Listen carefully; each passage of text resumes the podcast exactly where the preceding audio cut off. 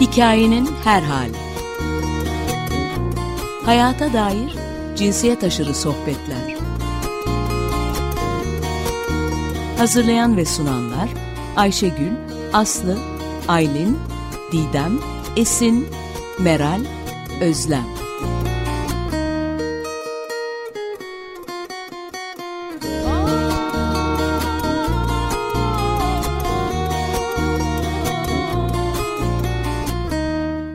Herkese günaydın. Ben Ayşegül. Ee, çok heyecanlıyım bugün çünkü uzun süre sonra tekrar Açık Radyo'da canlı yayındayız.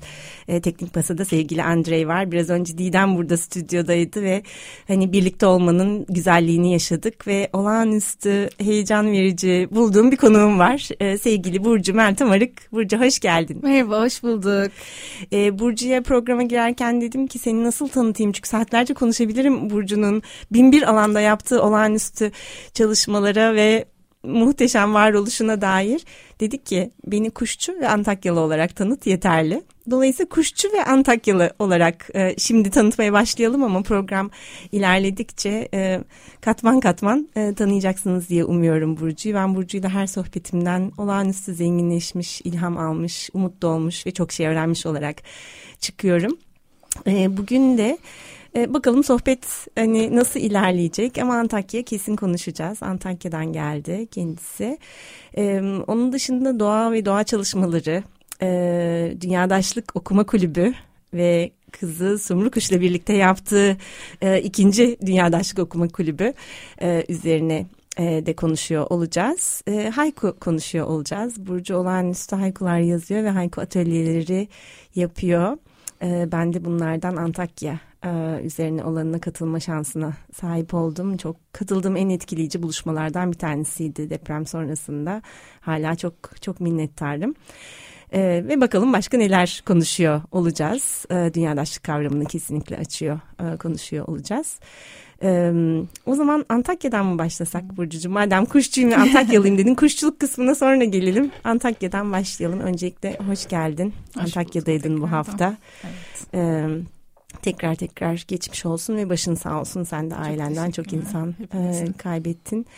E, Antakya inanılmaz Antakya'dan inanılmaz bir yaşam aynı zamanda fışkırıyor ve inanılmaz bir mücadele yaşamı tekrardan var etme ya da var olan yaşamı e, çoğaltma, ortaklaştırma üzerine çok ilham verici çalışmalar yapılıyor. E, sen de bunları gözlemleme ve parçası olma e, şansına sahip oluyorsun e, uzaktan ve yakından. Sen neler gördün, neler anlatmak istersin senin Antakya'na dair? Yani benim Antakya'm beni ben yapan yer. O yüzden hakikaten bambaşka bir yer. E, bunu zaten hep hissediyordum kendimi de tanıtırken ben Amanosların yamacında Asi Nehri'nin kollarında büyüdüm, doğdum diyordum. Evet. E, tabii bizim için çok gerçekten bence herkes için çok ciddi bir sarsılma ve travma oldu. Bu son gidişimde bir e, umut tohumu filizlendi üstümde. Onu hemen paylaşmak isterim çünkü çok kıymetli. Çok bir şey değiştiğini söyleyemeyeceğim orada koşullar anlamında. Hani yine e, hala birçok e, binanın yıkımı bekleniyor. Hala zor koşullarda okullara gidip geliniyor. E, hala birçok temel gereksinim sağlanamayabiliyor. Çadırlar hala var. Ama oralı e, dostlarımın ya da yeni edindiğim oralı dostlarımın e, yaşama nasıl tutunmaya çalıştıklarını görmek e, ve hani birbirimize nasıl kenetlendiğimizi görmek, o yaşamı bütün o zor koşullarda yeniden inşa etmeye ve onarmaya, birbirimizi onarmaya çalıştığımızı görmek bana gerçekten umut verdi ve güç verdi. Yani hani ben dayanışma için oraya gittim. Onlar benimle dayanıştılar ve beni geri gönderdiler diyeyim sana. Ee, Dayanışma aslında tam da evet. böyle bir şey değil mi? Karşılıklı hepimiz dönüşüyoruz o ilişki içerisinde. Ee, Antakya'da da bunun gerçekten en güçlü örnekleri yaşanıyor. Ben de buna tanık oldum ve parçası oldum ve çok şanslı hissediyorum. Evet ben de yani hem orada gençlerle hem kadınlarla hem e, farklı topluluklarla bir arada e, birbirimizi dinleme duyma ihtiyacı duyduk. Ee, onu da yapabildik, sarıldık. Yani çok iyiydi. Bir yandan da tabii hem insanları hem kültürü hem doğası olağanüstü bir yer olduğu için o e, bizi biz yapan doğasına da tekrar kavuşmak ve onunla beraber olmak, oradan Antakya'ya bakmak bana yine o da iyi geldi. e, kültürel çeşitliliğini zaten biliyorsunuz hani bambaşka bir yer gerçekten hani orada olduğumda ben ben daha ben hissediyorum diyeyim öyle duygularla döndüm bu sefer. Ee, kuşçuluğunla Antakyalılık arasındaki o zaman ilişkiyle devam edip edelim mi? Ne zaman kuşlara ve kuşçuluğa merak sardın? Nasıl bir yolculuk oldu o senin için? Yani ben bunu o, okulda, üniversitede edindiğimi düşünüyordum ama sonra bir fark ettim ki bunun üstüne düşündüğüm zaman yani Habib Necar'ın e, yamaçlarında doğup büyüdüm ben. Dolayısıyla hani dağlar, kuşlar, çiçekler, uğur böcekleri oyun arkadaşımmış. Onu e, fark ettim ve e, Arap bülbülleriyle leylekleri ne kadar aslında benim hayatımda önemli bir yer tuttuğunu hatırladım. E, ilk hatırladığım anı kuşlarla ilgili e, Arsuz'da denizdeyken zannediyorum göç dönemi Eylül olması lazım. Tepemizden e, binlerce leylek geçmişti ve o kadar büyülenmiştik ki çok küçüktüm. Fakat ondan sonra bu benim hayatımın bir normal parçası haline geldi. Yani yılda iki defa Antakya'da kartallar, akbabalar, leylekler, bir sürü başka kuş, küçük kuş, geceleri onlar e, daha çok göç ediyorlar. E, çevrenizde bunlar olunca hani onlar sizin akrabanız oluyor. Başka tür bir akrabalık, başka tür bir tanışlık. Oradan başladı. Sonra ben üniversitedeyken öğrenci topluluklarına bakınırken işte uluslararası ilişkiler topluluğum, arkeoloji topluluğumu gezmeyi de çok seviyorum, kültüre meraklıyım. Kuş gözlem topluluğunda birisi dedi bir arkadaşım için.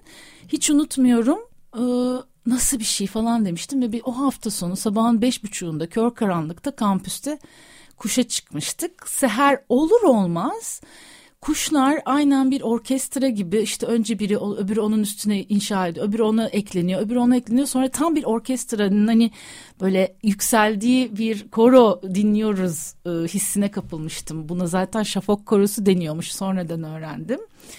E, ben orada büyülendim ve hayatım değişti. Hani şimdi kızımın adı bile Sumru. Hatta hani, Sumru kuş diyorsun Evet ona. Sumru kuş diyorum. O da kendisine hani adını anlamını sorduğu zaman özgür ruh, özgür kuş diyor. Ve çok hoşuma gidiyor gerçekten. Hani öyle olmasını çok istiyorum, önemsiyorum. E, ya ben sabahları uyanıyorum ve pencereyi açıyorum ve neler var çevremde diye kuşları dinliyorum. Yani benim müziğim kuşlar. Demin onu da konuştuk seninle e, kısa evet. bir an. Hani ben daha çok gerçekten ormanı sesleri, kuşları dinliyorum. Antakya'da Arap bülbüllerini duydum, paylaştım onu hemen böyle onlarca Arap bülbülü vardı ve ne kadar güzel ötüyorlar. Nasıl özlemişim, nasıl özlemişim. Ee, onun yedim, yemiş yediği ağacın da çocukluk arkadaşım olduğunu fark ettim bu gidişimde tesbih ağacı. Onu böyle yiyordu. Ben de hani onunla ne güzel oyunlar oynadığımızı hatırladım. Onun e, tohumlarını birbirimize atıyorduk, topluyorduk, tutuyorduk falan. Böyle bir e, şey evren yani çocukluğumdan bu yana gelen üniversitede iyice pekişen bu sayede tabii kuşlar sayesinde e, ben bana okullarda öğretilmeyen Türkiye'yi tanıdım. E, gezmediğim çok az yer oldu ve her gezdiğim yerde sadece doğa değil oranın doğayla nasıl örülmüş olan kültürel çeşitliliğini de tanıma şansına sahip oldum. Bana anlatılmayan bambaşka dünyalar olduğunu fark ettim. Hakkari'den Kırklareli'ne, Artvin'den Muğla'ya, Konya Kapalı Havza, Kon, yani karış karış gezdim. E, hayranlığım arttı insanlara, topluluklara, doğasına. Yani kuşların bende öyle bir etkisi de oldu. Ben yani Türkiye'yi bulunduğum coğrafyayı aslında ve hani e, daha farklı bir gözle, kuşların gözüyle tanımış oldum. Bu da bence beni çok etkiledi ama bilmiyorum. Ne kadar ilginç kuşlar seni başka dünyaları, başka insanları da açmış aslında.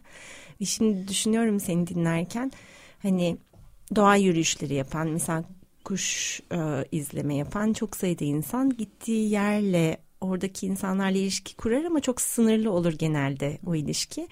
Bir de işte benim gibi daha insanlarla, kültürle, e, hayatla yani doğal hayattan birazcık daha bağımsız bir şekilde tabii ki onunla da iç içe ama gözünü daha kültüre insana e, yöneltmiş e, insanlar var. Biz de doğayla daha hani arada fırsat bulduğumuzda e, ilişki kuruyoruz. Sen ikisini birlikte e, inanılmaz bir derinlikte yapıyorsun. O yüzden galiba ben seninle her sohbetimde çok çok etkileniyorum ve hem Türkiye'nin hem Avrupa'nın birkaç yerinde seninle birlikte yürüme şansımız oldu.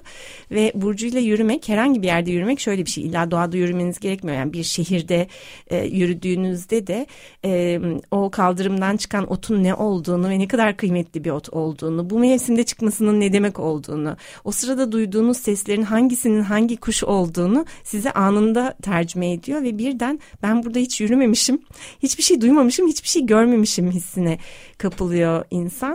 Dolayısıyla aslında doğa her yerde illa hani şehrin dışında bir yere de çıkmamız gerekmiyor. Ve ben arada duyduğum kuşların ne kuşları olduğunu, dünyanın neresinde olursam olayım ne kuşu olduğunu merak ettiğimde kaydedip Burcu'ya gönderiyorum birkaç dakika içerisinde cevabı geliyor.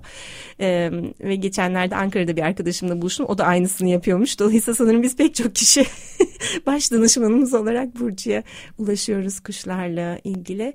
Ama tabii kuşlar burada dediğin gibi koca bir dünyaya açıyor hepimizi. Başka bir lisan öğrenmek oldu benim için kuşlar gerçekten. Hmm. Dediğin gibi hem doğayı kültürle buluşturan hep şu anda bunun tartışmasını yapıyoruz örneğin. Hani doğanın kültürden kültürün doğadan ayrılığı bu ikilikler karşıtlıklar bugün içinde bulunduğumuz birçok maalesef uğraştığımız soruna neden oluyor.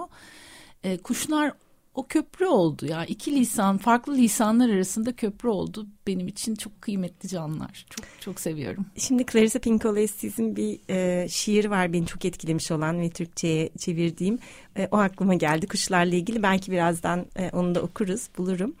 E, şiir demişken belki Hayku'ya geçebiliriz. Antakya'dan da çok uzaklaşmamış oluruz. E, depremden bir süre sonra sen bir Hayku atölyesi yaptın e, Zoom üzerinden. Ben de oradaydım.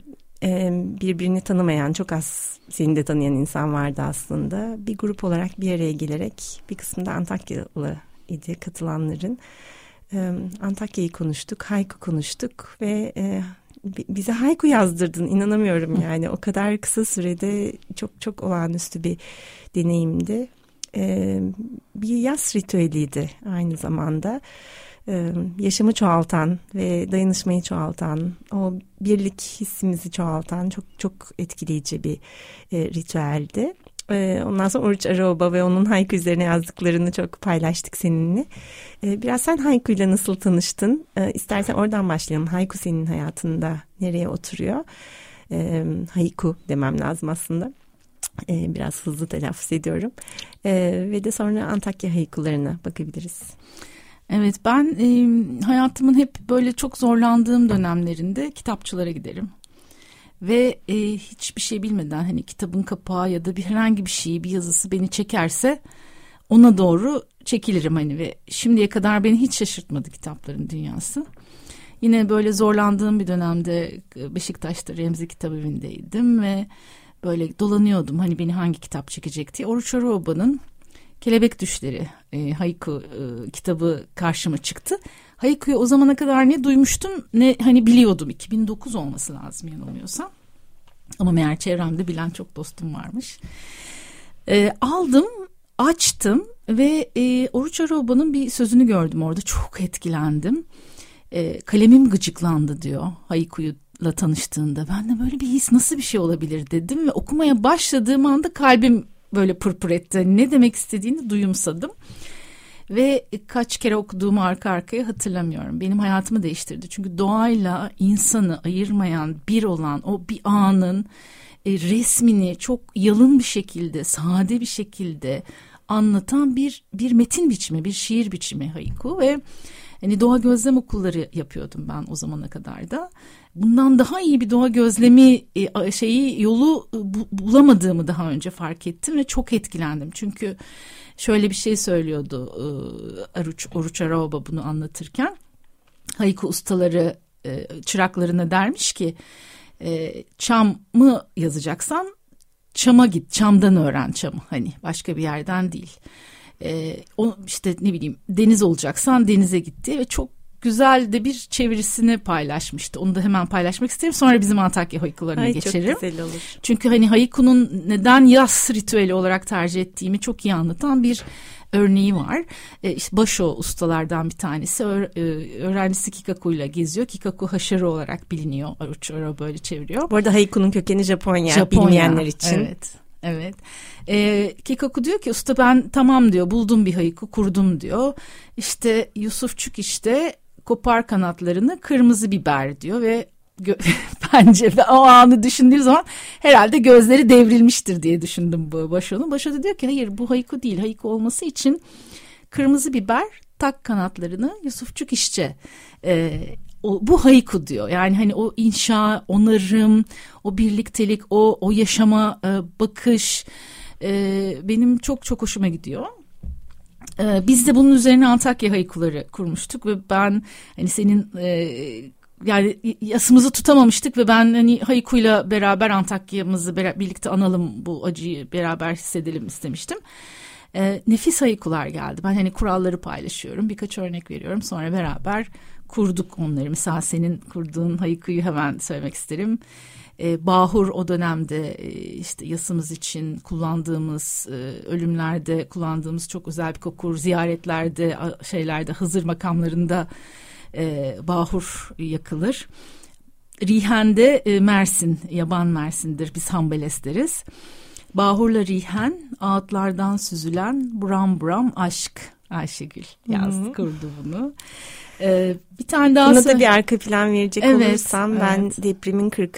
gününde e, Antakya'daydım. Samandağ'daydım ve Samandağ'da inanılmaz bir ritüel yapıldı. Yani bu hem bir protestoydu hem de aynı zamanda bir yaz töreniydi. Çok çok etkileyiciydi. Yüzlerce belki bir, birkaç bin kişinin yürüdüğü yıkıntıların arasından yürüdüğü bahur kokularıyla yani bahur yakılıyordu. Herkesin elinde rihenler vardı ve bütün sloganlar bahur ve rihenle e, örülmüştü en etkileyen şeylerden bir tanesi de Antakya'ya duyulan, Hatay'a duyulan yani bütün o coğrafyaya duyulan oradaki yaşayan herkese ve her şeye, bahura, rihene, hayvanlara, e, insanlara, kültürlere her şeye duyulan aşktı.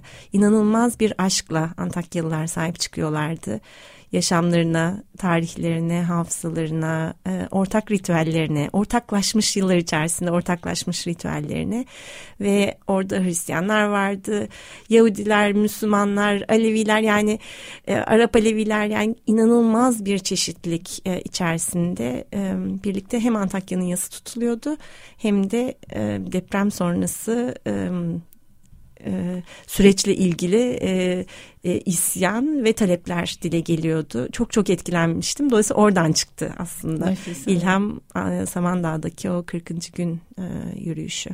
Yani e, sen bunu söylediğin zaman ve o rihenlerle yürümeyi hatırladığım zaman hemen burnuma bir koku geldi benim. Yani benim çocukluğumun geçtiği yerler Sümerler, işte eski Kurtuluş Caddesi'nin arka tarafları vesaire burnuma hemen koku geldi. Çünkü o Mersin bütün kente yayılmış bir koku ya. Hem her yerde vardı hem her şeyde kullanılırdı. Doğumlarda, ölümlerde, düğünlerde, e, özel günlerde, bayramlarda falan.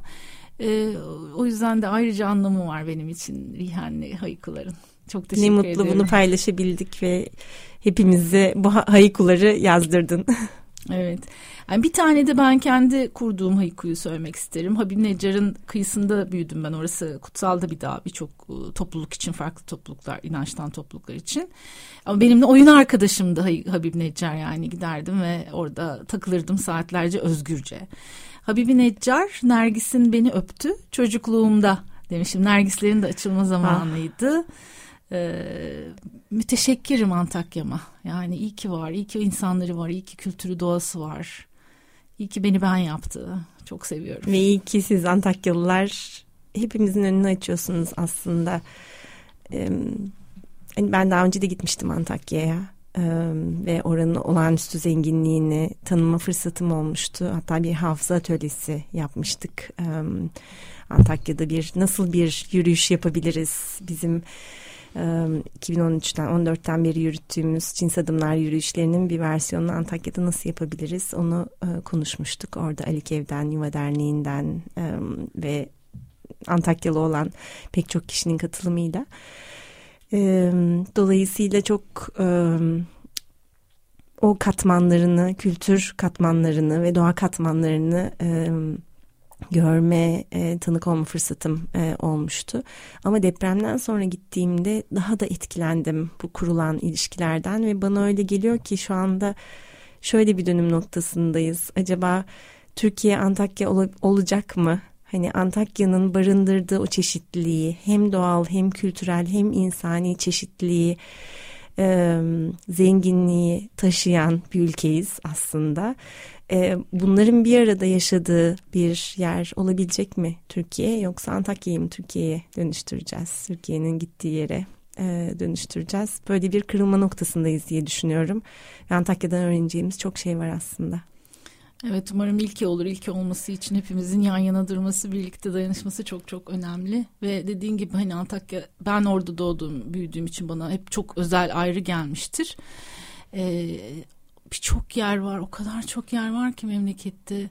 Hani buna e, ekolojide e, ekoton deniyor ya da permakültürde kenar etkisi deniyor. Yani farklı toplulukların, farklı yaşam birliklerinin bir arada olduğu yerler o da çok farklı yerler. Dolayısıyla Türkiye'de bununla dolu ve bunu bunu bunu, bunu onar yani bunu tekrar onarmamız son derece önemli diye düşünüyorum. Özellikle şimdi krizlerin ağırlıkta olduğu ve bizi daha çoklu krizlerin beklediği bir dönemde bu dayanışma birbirimizle, öteki edilenlerle, doğayla e, o kadar önemli ki yani bu kutuplaşmaların, bu ayrılıkların, bu ayrımcılıkların her anlamda e, farkına varıp ona ona direnmek e, son derece hayati diye düşünüyorum.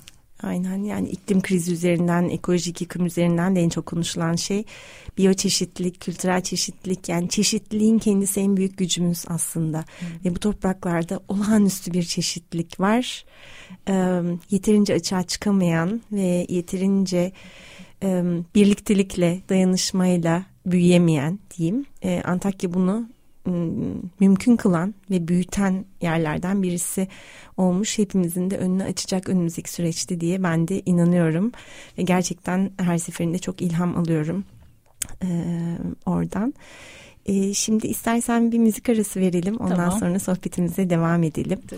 E, Burcu Meltem Arık'la konuşuyoruz. Evet kuşlardan başladık. Antakya'dan başladık. Kuşlara geçtik. Haykuları e, konuştuk. E, şimdi e, senin seçtiğin bir parça var. E, Sharon Kovacs mı? Kovacs mı? Farklı rivayetler var sesin e, e, nasıl seslendireceğimize dair. Ben Kovacs'ı seçiyorum. Kovacs'tan dinliyoruz. Freedom, özgürlük. Evet tekrar merhaba ben Ayşegül. Bugün sevgili Burcu Meltem Arık'la birlikteyiz. Ee, Sharon Kovacs'tan Freedom parçasını dinledik. Biraz önce Kovaç diye duyurdum. Aramızda bir ihtilaf vardı. Acaba nasıl söylenmesi gerekiyor ismi diye e, Açık Radyo'nun e, araştırmacı ekibi hemen Didem, Andrei e, düzelttiler. Kovacs, Sharon Kovacs'tan. E, çok çok çarpıcı bir parça. Çok sağ olun seçtiğin çok için. Çok teşekkür ederim. Özgürlüğü özellikle seçtim. Buradan özgürlüklerine kavuşmasını da dört gözle beklediğimiz tüm sevgili dostlarımıza da saygılar, sevgiler. Evet hatta şimdi birazdan onlardan birisinden de ufak bir not okuyacağız. Ee, sevgili program arkadaşımız, dostumuz e, Çiğdem'den, Çiğdem Mater'den. Ona geçmeden önce e, dünyadaşlık kavramı üzerine istersen biraz konuşalım ve Dünyadaşlık Okuma Kulübü'nden e, konuşalım. Dünyadaşlık kavramı senin için ne ifade ediyor? Tam da özgürlük üzerine konuşmak iyi olacak bunu. Ee, şunu ifade ediyor. Bundan e, birkaç yıl öncesinde aslında iklim krizi çalışıyorum, biyolojik çeşitlilik krizi çalışıyorum, eğitim politikaları çalışıyorum ve hani karşı karşıya olduğum sivil toplumdayım, sivil toplum örgütlerinde çalışıyorum. E, karşı karşıya olduğumuz bu çoklu meselelerde yan yana durabilmenin ve bu yan yana durmada topluluğun sınırlarını da insanın ötesine geçirebilmenin yollarını arayıp düşünüyordum ve o sırada e, işte yeryüzü daşlık, dünya daşlık hani yurttaşlığın ötesinde biz bu gezegende yaşıyoruz ve bu gezegenden başka yerimiz de yok. Hani o yerle beraber olabilme, onunla dayanışabilme. Demin de söyledim bize öteki kılınan çok sayıda topluluk var. insan topluluğu, doğa topluluğu. E, bir arada olmanın yollarını e, aramak üzerine çıkarken benim için dünyadaşlık öyle bir şey. Yani biz bu yeryüzünde beraberiz. E, başka yerimiz yok. Birbirimizden başka yurdumuz da yok. E, bunu e, çok yürekten hissediyorum ve bunun içinde bir çağrı yapmıştım o zaman işte hani bunu e, farklı yollarla sadece zihin yoluyla değil de kalben, ruhen, e, sanatla, edebiyatla nasıl hayata geçirebiliriz? Çünkü e, duygu olmadan olmuyor e, samimiyetle e, diye düşünüyorum. E, bir çağrı yapmıştım kadındaşlarıma o dönem. E, kapalı bir grup olarak başlamıştık. Hani beraber okuyalım işte küçülme okuduk. E, bakım kolektifinin bakım e, bakım manifestosunu okuduk.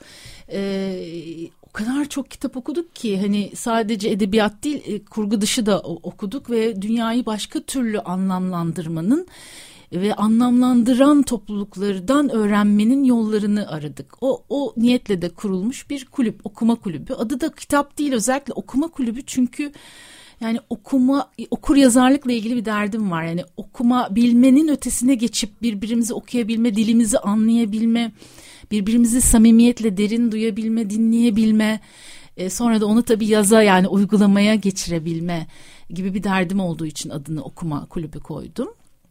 Şimdi açık hale geldi Antakya'dan sonra Antakya'da bir durdum sonra da yaz aylarında e, o yasımla e, yasımızı da çok tutamadık ama hani böyle bir açık yapıp hani hiç daha önce birbirini tanımayan insanlar bu bu dünyadaşlık yoluna yolculuğuna çıkabilir mi sorusunun peşine gittim ve e, beşinci kitabımızdayız. Eylül'den itibaren başladık.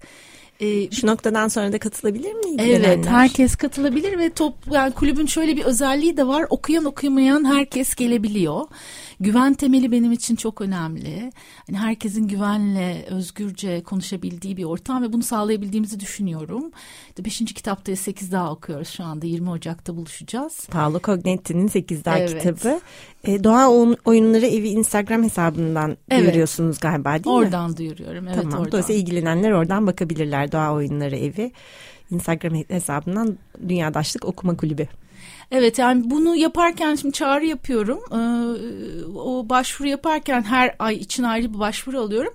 Şu soruyu da soruyorum. Dünyadaşlık e, Okuma Kulübü'nün kitabını ne önerirsiniz bir sonraki ay diye ve böyle bir e, kütüphane gibi bir kütüphane de oluşturuyor. Onları da paylaşıyorum. Kim ne önerdi? Dünyadaşlıkla diye düşününce e, bu bu alana ilgilenenler hangi kitapları öneriyorlar gibi onu da ayrıca paylaşıyorum. E, kitabı sonra bir araya gelip beraber tartışıyoruz. Bunun bu, bu yetişkinler için yapıyorum ben bunu. Kökler ve Filizler Derneği ile beraber de e, kızım Sumru'yla çocuklar için Dünyadaşlık Okuma Kulübü yaptık. Onu da Kökler ve Filizler Derneği Sumru'ya teklif etti. Sumru heyecanlandı, kabul etti. O da e, o anlamda kitaplar öneriyor. Onlar da beşinci kitaplarına geçtiler. Şimdi Burcu Aktaş'ın Vahşi Şeyler kitabını okuyorlar ve çok nefis bir kitap o da. E, son iki seferdir de yazarlarla da buluşuyor Sumru kendi talebi doğrultusunda. Yazarlar çocuklar. Kaç yaş grubu katılıyor buna? E, aslında 8 artı ama tabii hani kitaplar çok farklı. Hani çocuklar için hangi yaş diye diyemiyorum. Bazı çocuklar 7 yaşta da okuyabiliyor. Bazıları 10 yaşında okuyabiliyor. Ama hani sonuçta o çocuklar ve ebeveynler ona karar verebilir. 8 artı. Evet, o daha kapalı bir topluluk oluyor yani onu dışarı aç yani başvuruyorsunuz ve kendi içinde kapalı duran bir topluluk oluyor çocuklardan dolayı. Ee, böyle yani ben çok şey öğreniyorum. Ee, farklı insanları, farklı sesleri, farklı deneyimleri duyuyorum. Ee, farklı e, kurgular okuyoruz, kurgu seçiyoruz sadece. İşte sekiz daha okuduk. Ee, ondan önce Yeni Yaban diye Dayan Kok'un e, beni çok çarpan, hepimizi çarpan kitaplarını okuduk. Halep Arıcısı. Halep Arıcısı'nı okuduk. Tam Filistin Gazze olaylarının üstünde onu okuduk. Ee, bir Ağacın Günlüğü kitabını okuduk. 300 yaşındaki bir armut ağacının dilinden yazılmış aklımı şaşırtan bir kitap. Ee, ilk kitap tabii ben kuşçu olduğum için Kuş Evi kitabı Eva Mayer'in. E, ve Eva Meyer de dünyadaşlığa takmış bir insan. O yüzden onun yazıları derin dinleme yazıları yazan müzisyen bir insan. Hani onu ayrıca altını çizmek isterim. Onunla başlamak çok iyi geldi bana. Hani derin dinleme ne demek, ötekini duymak ne demek. Bir e, kafanda ajanda olmadan diğerini samimiyetle dinlemeye çalışmak. Sana çok farklı gelse de onun sözünü, hissini, ihtiyacını anlamaya çalışmak ne demek? E, o kitapta onu gördük yani baştan karalarla hayatını ve gerçek bir kahraman, gerçek bir insandan e, yola çıkan, bir müzisyen kadından yola çıkan bir kitaptı. bizi çok şaşırttı. Bediz Gürel var çok kıymetli dostum. O e, da kitap e, okuma kulübüne geliyor ve mesela onun yorumları beni çok çarptı. Bu kuş evini dinlerken işte Londra'da senfoni orkestrasında çalan bir kadın e, kırsal bir alana yerleşiyor ve münzevi bir hayat yaşıyor. Kendini ve insan topluluklarını kapattığı anda kuşların dilini keşfediyor. Yani kuşlar onun evine geliyor ve beraber yaşıyorlar. Çok mucizevi bir kitap. Herkese önermek isterim. Hani o geri çekilmeyi, geri çekildiğin zaman yani kendini insan olarak önemsiyorsun. Çok önemsiyor biliyorsun insanlık. Genelleme yapamayacağım ama hani onu geriye çektiğin zaman o diğer başka renklerin, seslerin ortaya çıkabilmesi ve oradan nasıl bir güç alabildiğini görmek e, çok kıymetli oldu. Şeyde de e, e, Ar, bir ağacın günlüğü kitabıyla Halep aracısında da aslında şeyi tartıştık mesela hani kendini çok ortaya koyma bu sosyal medyayla çok ortaya koyma e, kendini önemseme e, ideolojisinin aslında ne kadar zorlu şeylere yol açabildiğini bunun bunun bir yine gerisine çekilip aslında bize öteki kılınmış herkesin sesini kendi sesimizi ee, Bize öteki kılınmış ne kadar çarpıcı bir ifade evet. bu arada. Bir durmak istedim orada yani. Evet gerçekten. onun evet yapı yani çok onu duyuyorum çünkü bu başka türlü bir hikaye, başka türlü bir yapılandırma olabilir ve buna buna direnmemiz gerektiğini düşünüyorum dünyadaşlıkla. Böyle bir derdim var işte. Hmm, biraz Halep aracısını konuşabiliriz belki ama bu arada Çiğdem'in notunu okuyalım Tabii, mı? Tabii lütfen. Şimdi biliyorsunuz sevgili arkadaşımız Çiğdem Mater programcımız aynı zamanda Bakırköy cezaevinden katılıyor aramıza. Oradaki kuşları duyuyor, dinliyor ama tabii çok sınırlı onun e, ilişkisi. Fakat oradan da dünyadaşlığı mümkün kılmanın yollarını o kadar güzel buluyor ki Çiğdem'in yazılarını e, Biyanet'ten ve başka mecralardan izliyorsunuzdur belki. O olağanüstü kapılar, dünyalar açıyor.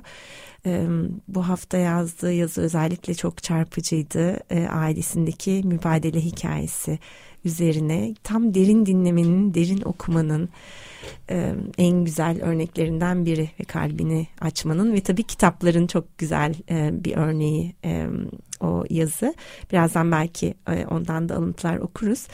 E, ama bu program için biz e, Burcu'yla program yapmaya karar verince e, avukatlar aracılığıyla ona bir not ilettim. Senin e, çalmamızı isteyeceğim bir parça olur mu veya dünyada aşk üzerine söylemek isteyeceğim bir şey olur mu diye. Şöyle demiş canım Ayşegül şarkı hafızam çöp oldu burada o yüzden şarkı seçemiyorum.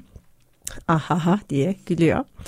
E, ama şunu demek isterim bir yıl oldu aklım fikrim Antakya'da bütün deprem bölgesinde. Ekim'den beri aklım fikrim İsrail ve Filistin'deki barış yanlarında. Sanırım dünyadaşlık hissinin insanı en fena vurduğu yerlerden biri beraberinde getirdiği çaresizlik hissiyle kapatılmışlıkla hapishane. Ama olsun yalnız değiliz bunu biliyoruz. Hepinize sımsıkı sarılıyorum. Çok güzel. Teşekkür ediyoruz. Evet biz de Çiğdem'e sevgilerimizi iletiyoruz. Ee, Halep aracısından biraz bahsetmek ister misin? Tabii isterim. Ee, yani arılara çok düşkünüm ve e, Halep'i görmedim ama ben Laske'yi görmüştüm. Komşumuz zaten biliyorsunuz bizim Antakya ile başka bir ilişkimiz vardı. E, Halep arıcısı da arıcı bir e, ailenin aslında yaşadığı yeri bırakıp arılarını bırakıp bırakmak zorunda kalıp yerinden edilip e, Türkiye üzerinden Avrupa'ya, Avrupa'dan İngiltere'ye e, yine başka daha önce yola çıkabilmiş aracı bir dostuna kavuşmanın hikayesi ve o yolda başına gelenler. E, biz okuduğumuzda arı olduk, oradaki coğrafya olduk, oradaki özlem olduk.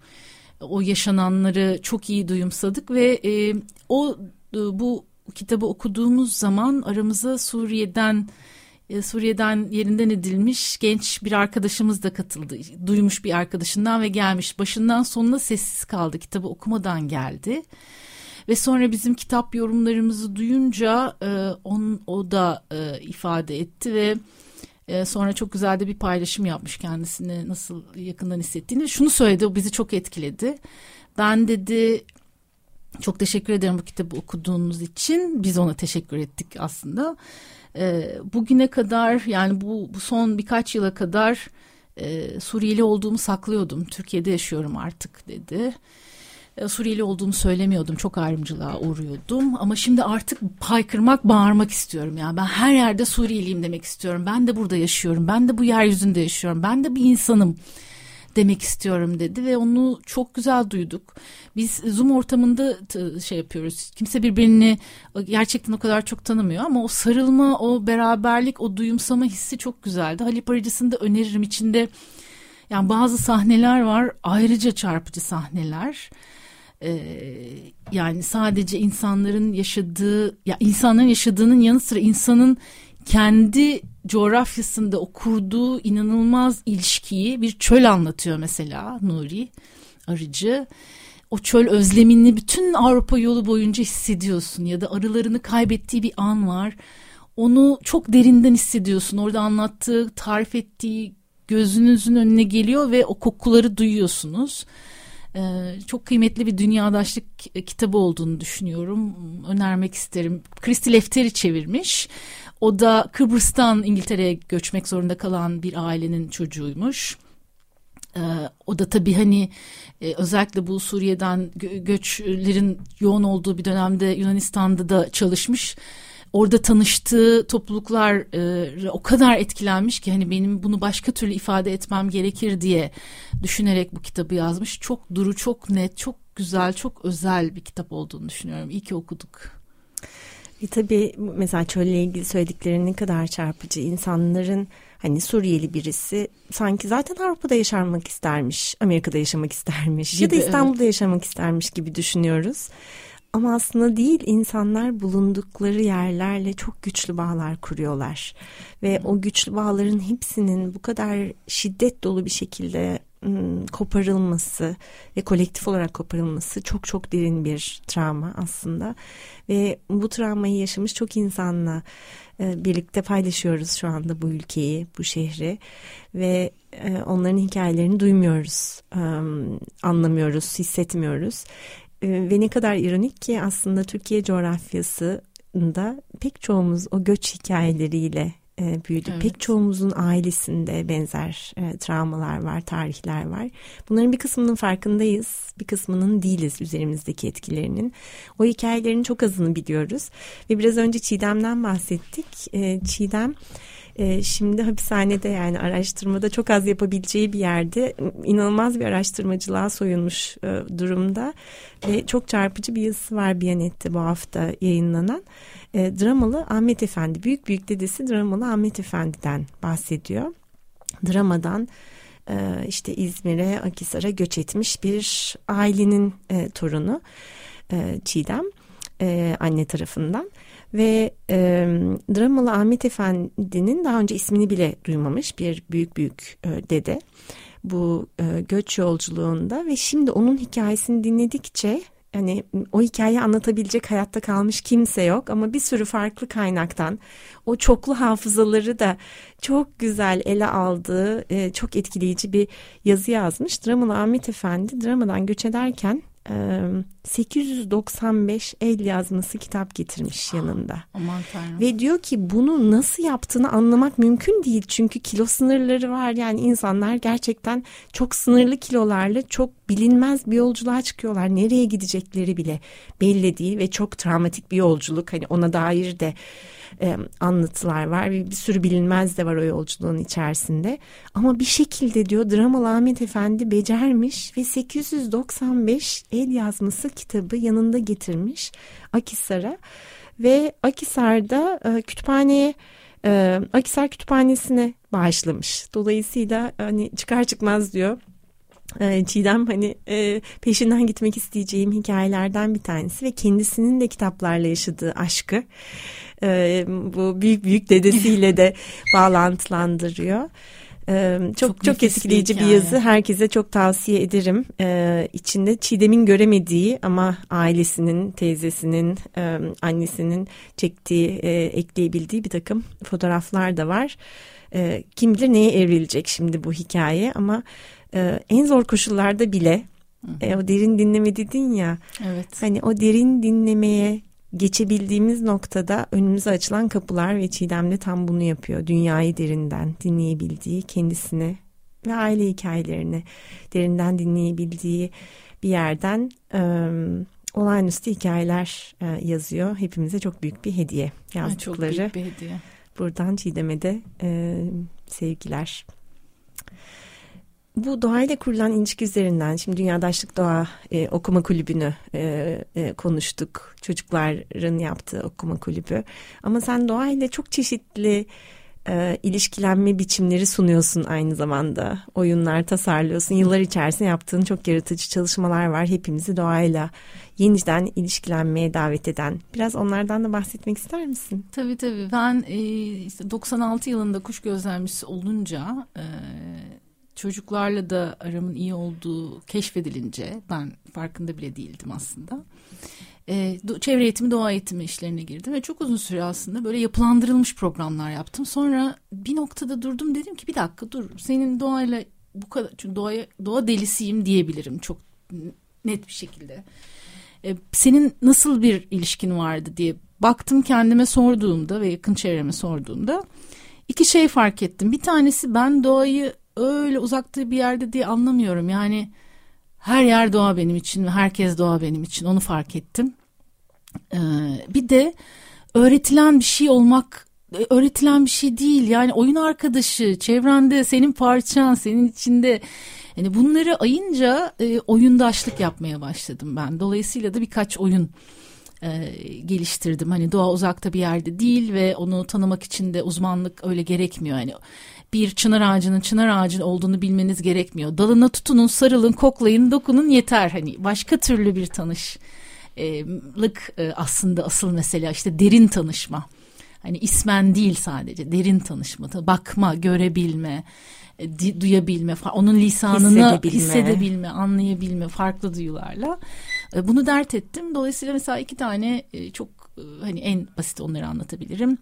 Bir tanesi 30 gün diye bir 30 gün bir tutam doğa diye bir oyun e, yapıyorum. Her gün bir şey paylaşıyorum. Diyorum ki bugün bir dikene dokun. Mesela bu da benim için çok önemli. Dikene dokunmuyoruz. Dikenlerin farkında değil. Dikenleri atıyoruz. Yani böyle toplayıp atıyoruz. Yabani ot diye. O kadar kıymetli ki ona böyle narince dikkatlice dokunmak, onu tanımak, ona gelen arıya bakabilmek, ona gelen kelebeğe bakabilmek bence çok kıymetli. İşte bir dikene dokun. Şimdi bir dur Böyle sakince bir bak. Şimdi doğadaki kalbi ara, doğanın gözünü ara falan gibi böyle küçük küçük şeyler Birkaç yapıyorum. kalp fotoğrafı göstermiştim bana. hani kalp aradığında ne çok kalp görüyorsun aslında doğada. Evet. Ve çocuklar ne kadar yaratıcı kalpler bulmuş. Hem de nasıl hem de nasıl. Bir tanesi de Doğa Arkadaşımın Kutusu diye bir oyun yaptık.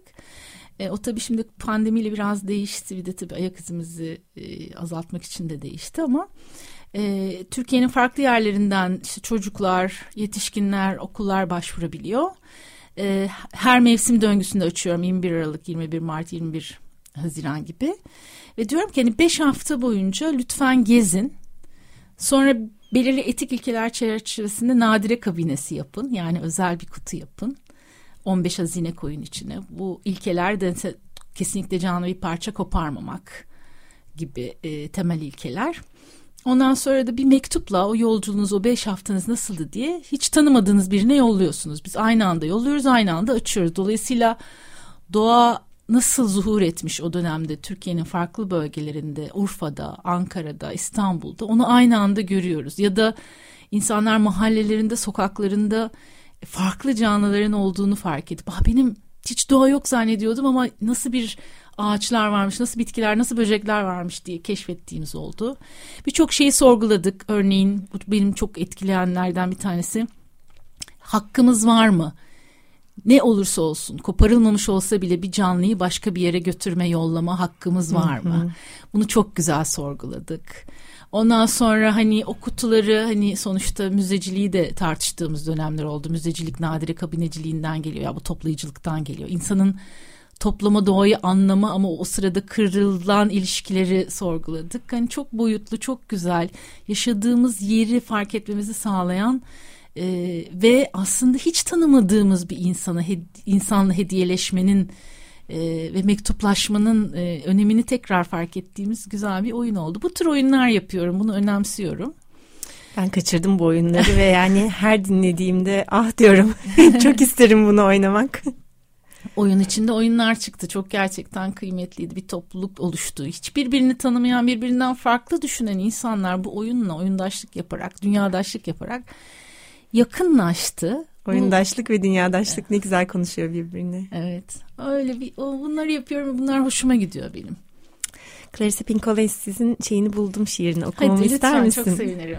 Biraz önce kuşlardan bahsetmiştik. Onun da kuşları mer sen bir de e, bize öteki kılınanlar dedin galiba. Evet. Öteki yapılanlar çok çok çarpıcı bir ifade. Tam bu ikisini buluşturan bir şiir. Clarissa'nın şiiri. E, önce İngilizcesini okuyayım sonra Türkçesini.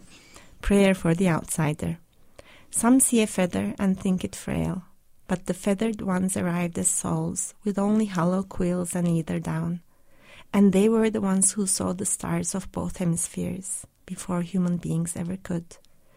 So the ones with the little frail feathers discovered the new worlds first and left them unharmed, and crossed oceans before humans dared, saw unending aerial views of earth and sky, while mere humans had to wait for centuries to fletch satellites into the air that could see for them. There are those souls born into this earth to bear 25 thousand feathers over a lifetime. These winged ones climb the wind and they can cover 2,500 miles in a single migration. These souls, so small and yet so great, carry the overview and the ground view, all from flying, until exhausted, then resting, feasting, homing, birthing, and finally up again and away through the storms, through sunlight, through the wonder and the danger and the hunger for it all. For it all. Some look at this winged creature and see only a swath of painted feathers. But these souls were born into the earth, explicitly created to fly through more than one world and to return, ever return, to tell the stories of what can be seen when one is allowed to soar. dışarıda bırakılanlar için. Bazıları bir tüy görür ve onu narin bulur. Oysa yeryüzüne içi oyuk telekleri ve minik tüyleriyle davet edilmiş kanatlı ruhlar her iki yarım kürenin yıldızlarını insanlardan önce görenlerdi. Çok önce göre, görebilenlerdi. Yeni dünyaları ilk keşfeden ve zarar vermeden bırakanlar bu küçük narin tüylülerdi ve insanlar cesaret etmeden çok önce okyanusları aşan, yerin ve göğün sonsuzluğunu havadan seyredenlerdi. Zavallı insanların yüzyıllar boyu beklemeleri gerekti. Gökyüzüne gönderdikleri uyduların kendilerine göz olmalarını. Bir ömür 25 bin tüy taşıyan ve rüzgara tırmanabilen ve tek bir göç yolculuğunda 2500 mil kat edebilen bu çok küçük ve bir o kadar büyük ruhlar Dünyaya hem yukarıdan bakarlar hem aşağıdan. Bitap düşene, düşene kadar uçarak ve sonra dinlenerek, beslenerek, yuvalanarak, doğurarak ve sonunda yine uzaklara kanat açarak geçerler. Fırtınaların içinden, güneşin içinden, mucizelerin ve tehlikelerin içinden, büyük bir tutkuyla. Kimi bu kanatlı canlara bakar ve yalnızca renkli tüyler görür. Oysa bu ruhlar birden fazla dünyaya uçmak için yaratıldılar. Ve daima diğer dünyaya dönerek, hep dönerek, özgürce uçabildiğimizde neler görebileceğimizin hikayelerini anlatmak için. Çok güzel. Bunu Tarık Tekman'la birlikte e, çevirmiştik. Qigong hocam aynı zamanda. Biz seninle Qigong'da paylaştık. evet. Qigong'da doğayla ve ağaçlarla ediyorum. ilişki kurmanın bir başka yolu. Um, bir küçük ayıkı paylaşabilir miyim? Lütfen. Senle daha önce paylaşmıştım bu söylediğin üstüne bütün konuştuklarımız üstüne İssa'dan küçük şeylerin haykusu diye bilinir o. Ee, sakın unutma cehennemde yaşıyoruz çiçeklere bakarak. Çok çiçek var çevrede. O çiçeklere bakarak dayanışarak yaşamak çok kıymetli. Teşekkür ediyorum da şiir için. Sakın unutma cehennemde yaşıyoruz çiçeklere bakarak bu yaşadığımız cehennemde bize çiçeklere bakmayı hatırlattığın ve bunun için bin bir türlü yol, yöntem, oyun keşfettiğin, bunları açtığın için sonsuz teşekkürler sevgili Burcu. Ben teşekkür ederim. Ve Andrei diyor ki yavaş yavaş toparlamamız lazım. Programın sonuna geldik. Ben daha saatlerce sohbet edebiliriz gibi hissediyorum. İnşallah başka bir programda devam ederiz. Sevgili Burcu Meltem Arık'la beraberdik bugün. Kendisini kuşçu ve Antakyalı olarak tanımlıyor. Kuşlar, Antakya, haykular, doğa. Özgürlük. Özgürlük, hayat. Dostlarımız. Dostlarımız, kitaplar Dünyadaşlık Okuma Kulübü üzerine konuştuk. Dünyadaşlık Okuma Kulübü veya çocuklar için Dünyadaşlık Okuma Kulübü için Doğa Oyunları Evi adresinden Instagram'dan ulaşabilirsiniz Burcu'ya. Yürekten teşekkürler. Ben de teşekkür ediyorum. Çok sevgiler. Ve şimdi e, Tok Tok Tok e, grubunun 2013'te dağılan bir grup e, beni çok etkileyen e, bir yorumlarını dinliyor olacağız. E, bir Brezilya parçası Waters of March tam da konuştuğumuz her şeyi kapsıyor. Yaz sonunda Mart'ta e, Mart'ın suları ismi yaz sonunda Mart'la birlikte değişen mevsim ve o gündelik hayatın içerisinde yürüyen bir şarkı bizi doğaya, dünyaya, içimize açan ve bütün bunların arasındaki sınırların aslında olmadığını tekrar hatırlatan aynen Burcu gibi. Çok teşekkürler. Şimdi Tok Tok Tok'a e, kulak veriyoruz. E, teknik Masada Andre vardı. Didem'in de katkılarıyla bugün canlı yayındaydık. Burcu Meltem birlikte. Herkese iyi haftalar. İyi haftalar.